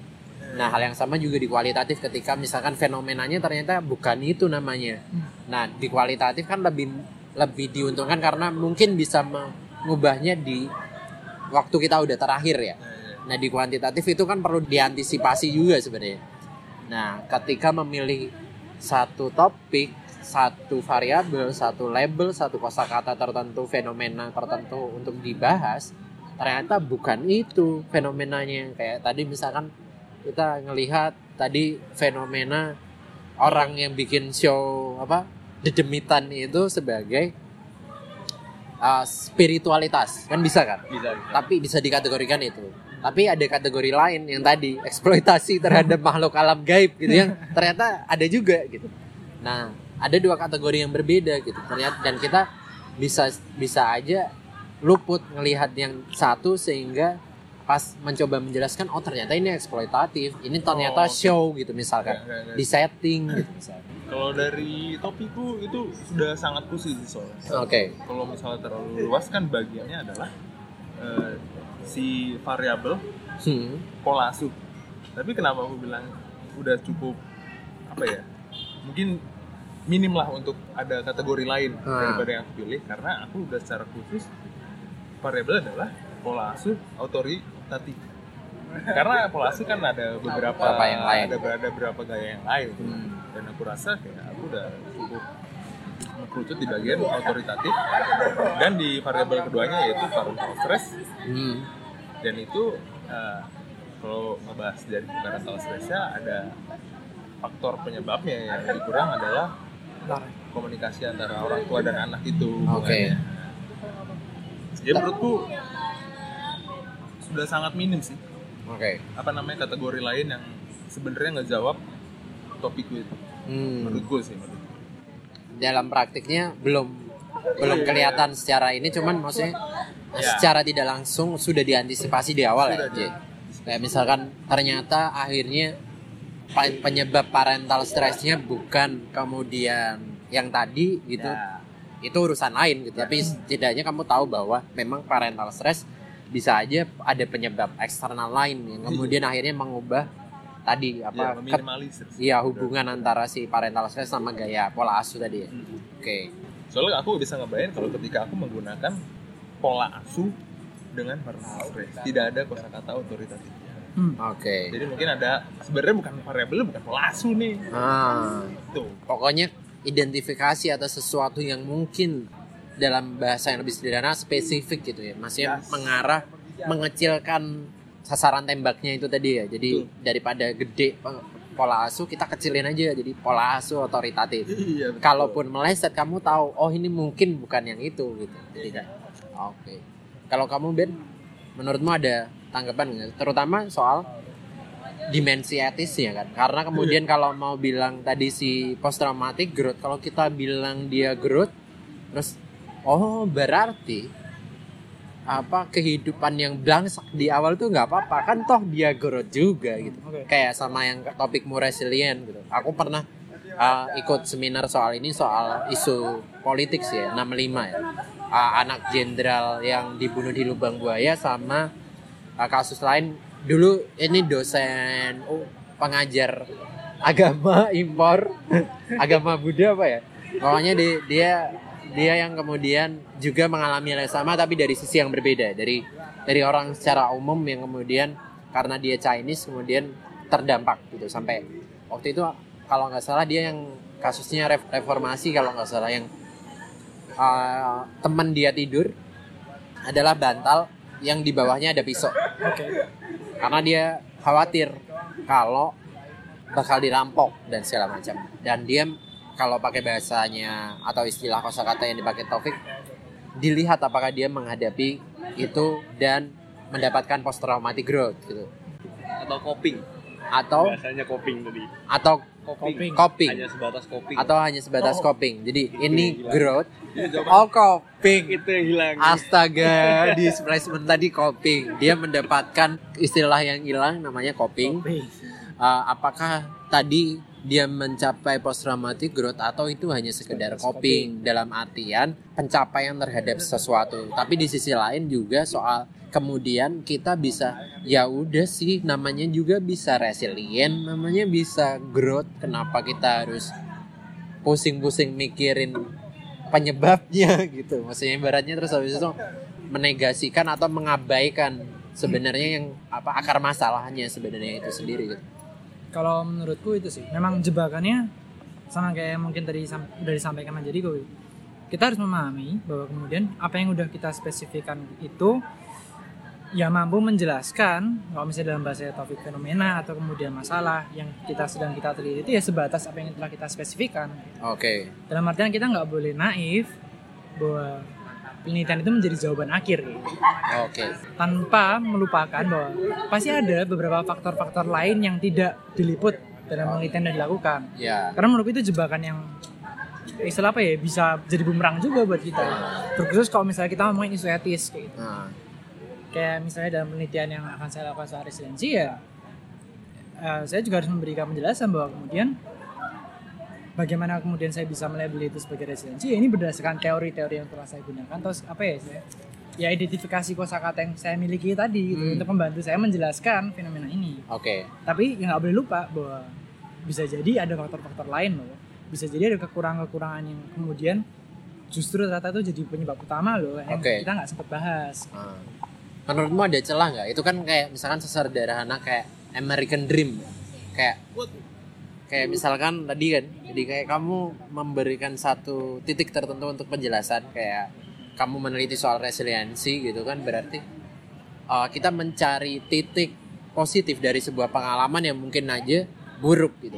Tapi kemudian orang jadi kayak menormalisasi Mhm. apa problemnya gitu. Nah, menurutmu ada celah untuk kemudian tidak selain kalau tadi soal etis bahwa kamu kemudian melihat bahwa apa yang kamu teliti itu bukan serta merta jawaban final ya. Ada nggak yang bisa di ah, pakai atau setidaknya kamu memikirkan soal itu, soal bahwa oh ternyata kita perlu mengantisipasi soal bagaimana kita mengartikulasikan atau menyampaikan si hasil penelitiannya untuk tidak dimengerti sebagai tadi apa sejenis American Dream yang kemudian menormalisasi penyebab masalahnya gitu. Ada nggak yang sejauh ini udah kamu cukup oke gitu, nggak apa-apa, tetap tetap aja bisa kita apa meneliti resiliensi tanpa melihat bahwa ya udah gitu. Kayak misalkan akhirnya resiliensi dijadiin apa bahan untuk menormalisasi segala hal di dunia emang rumit belangsak ya udah sih. Kalau yang aku lihat berarti itu ngomongin soal ini sih. Kapasitas. Kapasitas. Mhm, jadi yang memang harus dipahami juga ya kapasitas kita ya sebagai mahasiswa psikologi. Oke. Itu yang pertama. Dalam artian apa yang terjadi kalau ternyata dari hasil penelitian yang saya lakukan resilient terus itu jadi buat normalisasi gitu? Hmm.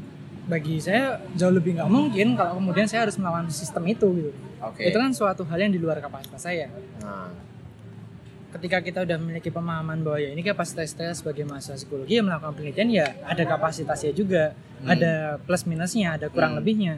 Dan dengan harapan ya kita memang harus terbuka dengan kenyataan itu. Oke. bahwa ketika kita ya sebatas kapasitasnya sebagai mahasiswa psikologi penelitian yang kita lakukan juga baiknya kemudian dilengkapi oleh mungkin yang bisa mengisi mengisi kekosongan-kekosongan yang muncul di penelitian kita itu yang pertama. Nah.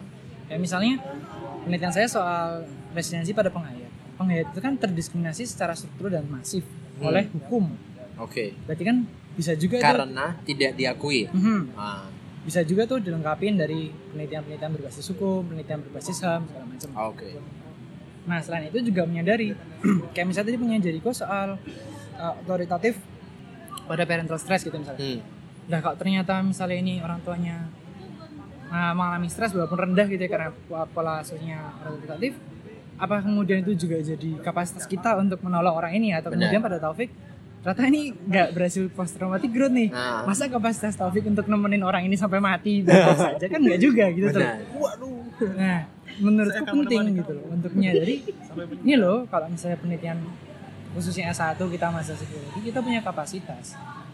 Satu, jangan jadikan itu jawaban final, tapi juga dua, jangan jadikan ini sebagai suatu hal yang apa ya, iya diagung-agungkan bahwa ini tuh masih banyak banget kekosongan yang seharusnya kita sarankan dilengkapi oleh mungkin multidisiplin yang lain atau kemudian dilengkapi oleh orang-orang yang memang di bidangnya bergerak ke arah situ. berarti jangan takut sama masalah itu sendiri karena Betul. bisa aja apa yang kamu lakukan jadi masalah lain gitu. Tapi itu bukan masalah lu gitu kan? Dalam artian kemudian yang dibilang Ben tadi menarik karena kemudian ya nggak ada kecemasan dari dirimu ya. Maksudnya dalam artian kamu ya mungkin ada kekhawatiran atau secara tidak langsung udah antisipasi bahwa itu mungkin terjadi tapi ketika itu terjadi pun sebenarnya masalah itu datang dari sosial ya itu jadi artian ada sesuatu yang nggak beres justru karena kalau misalkan apa yang kamu cari adalah sesuatu yang positif darinya justru akibatnya hal yang sebaliknya bahwa dia justru malah menyerang orang yang kemudian mencoba menanggulangi hal ini secara positif gitu ya. Mhm. Oke. Menarik sih closer ininya. Arahnya ketika kamu memulai. Jadi kan sebenarnya ini kan percakapannya membicarakan soal masalah ya. Kalau di struktur skripsi kan di awal ya, latar belakang masalah dan masalahnya itu sendiri sebenarnya. Kadang-kadang kita luput untuk melihat bahwa latar belakang masalah yang kita bahas bu nggak cukup karena masalah itu sendiri menyimpan masalah yang lain atau jawaban atas masalah itu gitu kemudian salah satunya celah untuk menjawab masalah itu yang kemudian ketika di, di- diantisipasi jadi lebih enteng kadang-kadang pakai bahasanya JJ tadi perlu menemukan kosakata yang tepat ketika kita sekarang lagi kok nggak bisa jalan ya ini skripsinya ternyata emang belum menemukan kosakata gitu. Kayak misalkan topik dari tadi kagak nemu Koping. koping, dia nggak bisa maju-maju kan jadi Berarti ketika kita meninggal kita bakal jadi hantu yang keren deh. kok bisa Ya kita banyak masalah gitu ya. Oh, Ya, disuruh benar. siapa namanya. Iya. Di eksploitasi bisa bagus. iya tappingnya lebih lama ya jadi Iya. dibanding hantu-hantu yang nggak punya masalah ya. Kontennya lebih menarik, bisa lebih digoreng. berarti Kamu siapa?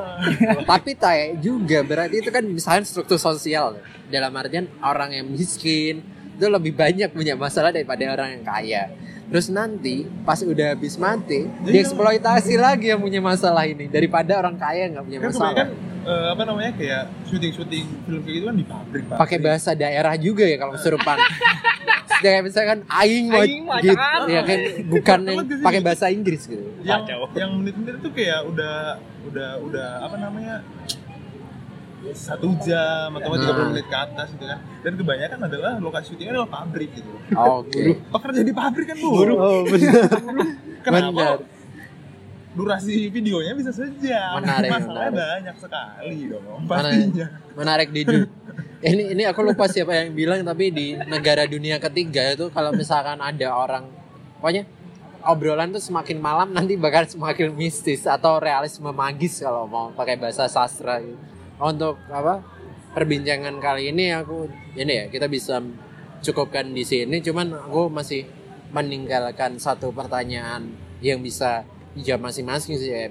yang kalian dapetin yang sesuatu yang untuk closure ya untuk penutup. Karena akhir balik ini sebenarnya uh, kalau dari Jericho istilah juga kosakatanya Jericho. Bro yang harusnya kan belakangnya G ya tapi jadi K akil balik. Karena kemudian akil balik itu kan kayak coming age kalau bahasa Inggrisnya. Jadi kamu mendapatkan sesuatu dal- dalam sebuah proses gitu. Nah kalau di sini ya konteksnya percakapan kita gitu. Kamu ada ada sesuatu yang sebelumnya kamu mungkin udah sadarin terus habis tapi oh iya ya ya. Terserah siapa duluan. Dan Taufik ada yang menurutmu cukup baru dan kayaknya belum kepikiran dan itu bisa bermanfaat untuk mungkin ter- terkait apa pun ya? Lebih ke ini sih eh, proses eh, jangan meragukan diri sendiri kalau pengerjaan skripsimu lama. Kalau oke. ada temanmu yang nanya kok belum lulus lulus? ditanya balik kamu ada masalah apa di rumah? Karena banyak nggak tahu ya belakangan aku tuh banyak mendapat shit post atau obrolan-obrolan orang yang lulus duluan tuh merasa lebih baik daripada orang yang belum lulus tuh. oke klasik ya Ah. Ya tanya aja kalau ada yang nanya ada masalah apa di rumah. Mau mau Oke. dirujuk ke psikolog, Ah. aktualisasi dirimu rendah banget tuh. oke oke menarik menarik kalau kamu Ben Yang aku dapetin lebih ini sih, aku senang banget dapat soal kosakata tadi. Oh ya momen gue dapetnya di situ bahwa yang selama ini aku perbincangkan itu kayak misalnya ya itu mengidentifikasi masalah segala macam. Cuman kadang kayak nggak nyadar aja kayak ternyata kayak tadi aja misalnya kayak Taufik sampai kehilangan kata coping itu bisa jadi masalah gede juga gitu. oke Jadi kayak dalam yaudah dalam hidup tuh emang udah rumit. Nah, Ternyata sering kali apa yang kita nggak tahu tuh justru bikin makin rumit lagi. nah. Berarti jawabannya buat kali ini tuh ya ayo cari tahu. J sebagai co-host ada closure darimu? Eh, apa ya?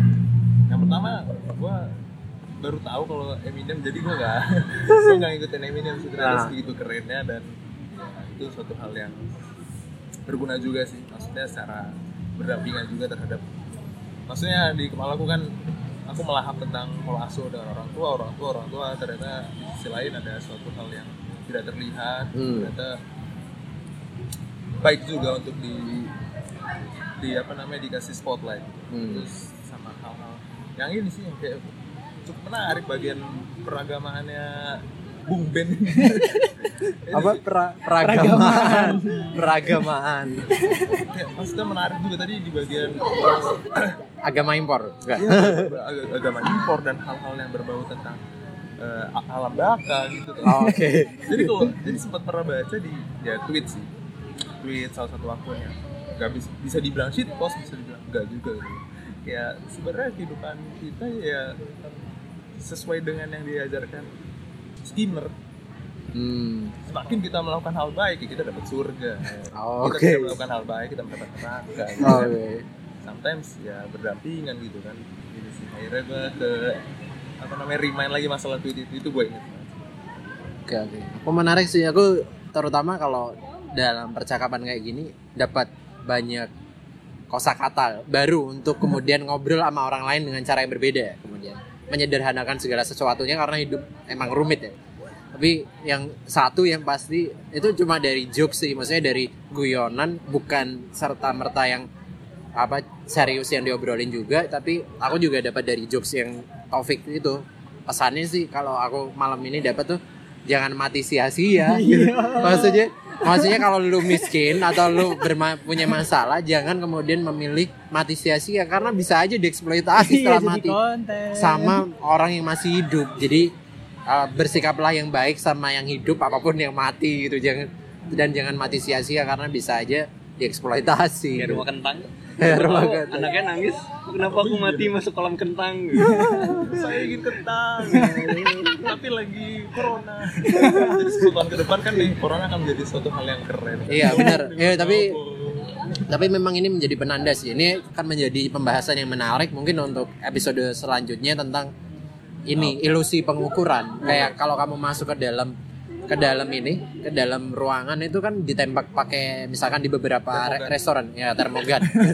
Terus oh, di diukur sampai derajat tertentu. Padahal itu kan cuma mengukur satu gejala ya belum mengukur penyakit itu sendiri gitu. Cuma ada kenyamanan tertentu karena kita menamai itu prosesnya bahwa kita oh kita sekian derajat celcius gitu. Padahal ukurannya mungkin aja bukan itu kan.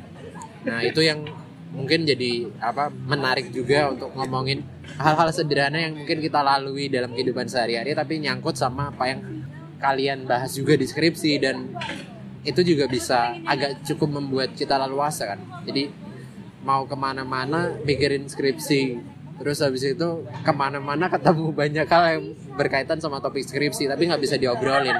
Jadi akhir balik ini cuma kurang lebih wadah untuk itu kemudian tidak membuat apa proses itu sendiri jadi sesuatu yang bermasalah ya. Itu sih teman-teman. Terima kasih sudah mendengarkan motor yang lewat. Terima kasih sudah mendengarkan kami. Jadi uh, share ke beberapa teman yang mungkin membutuhkan kayak kata Taufik. Tanyain ada masalah apa di rumah. Tapi tapi hati-hati dengan modus dan ini ya apa jebakan. Iya. itu karena jangan jangan wih ngerinya bro kain jarik kain jarik jari dibungkus nanti. kain jarik aduh. Ya benar oke oke jadi terima kasih sudah mendengarkan. Akhir balik kita ciao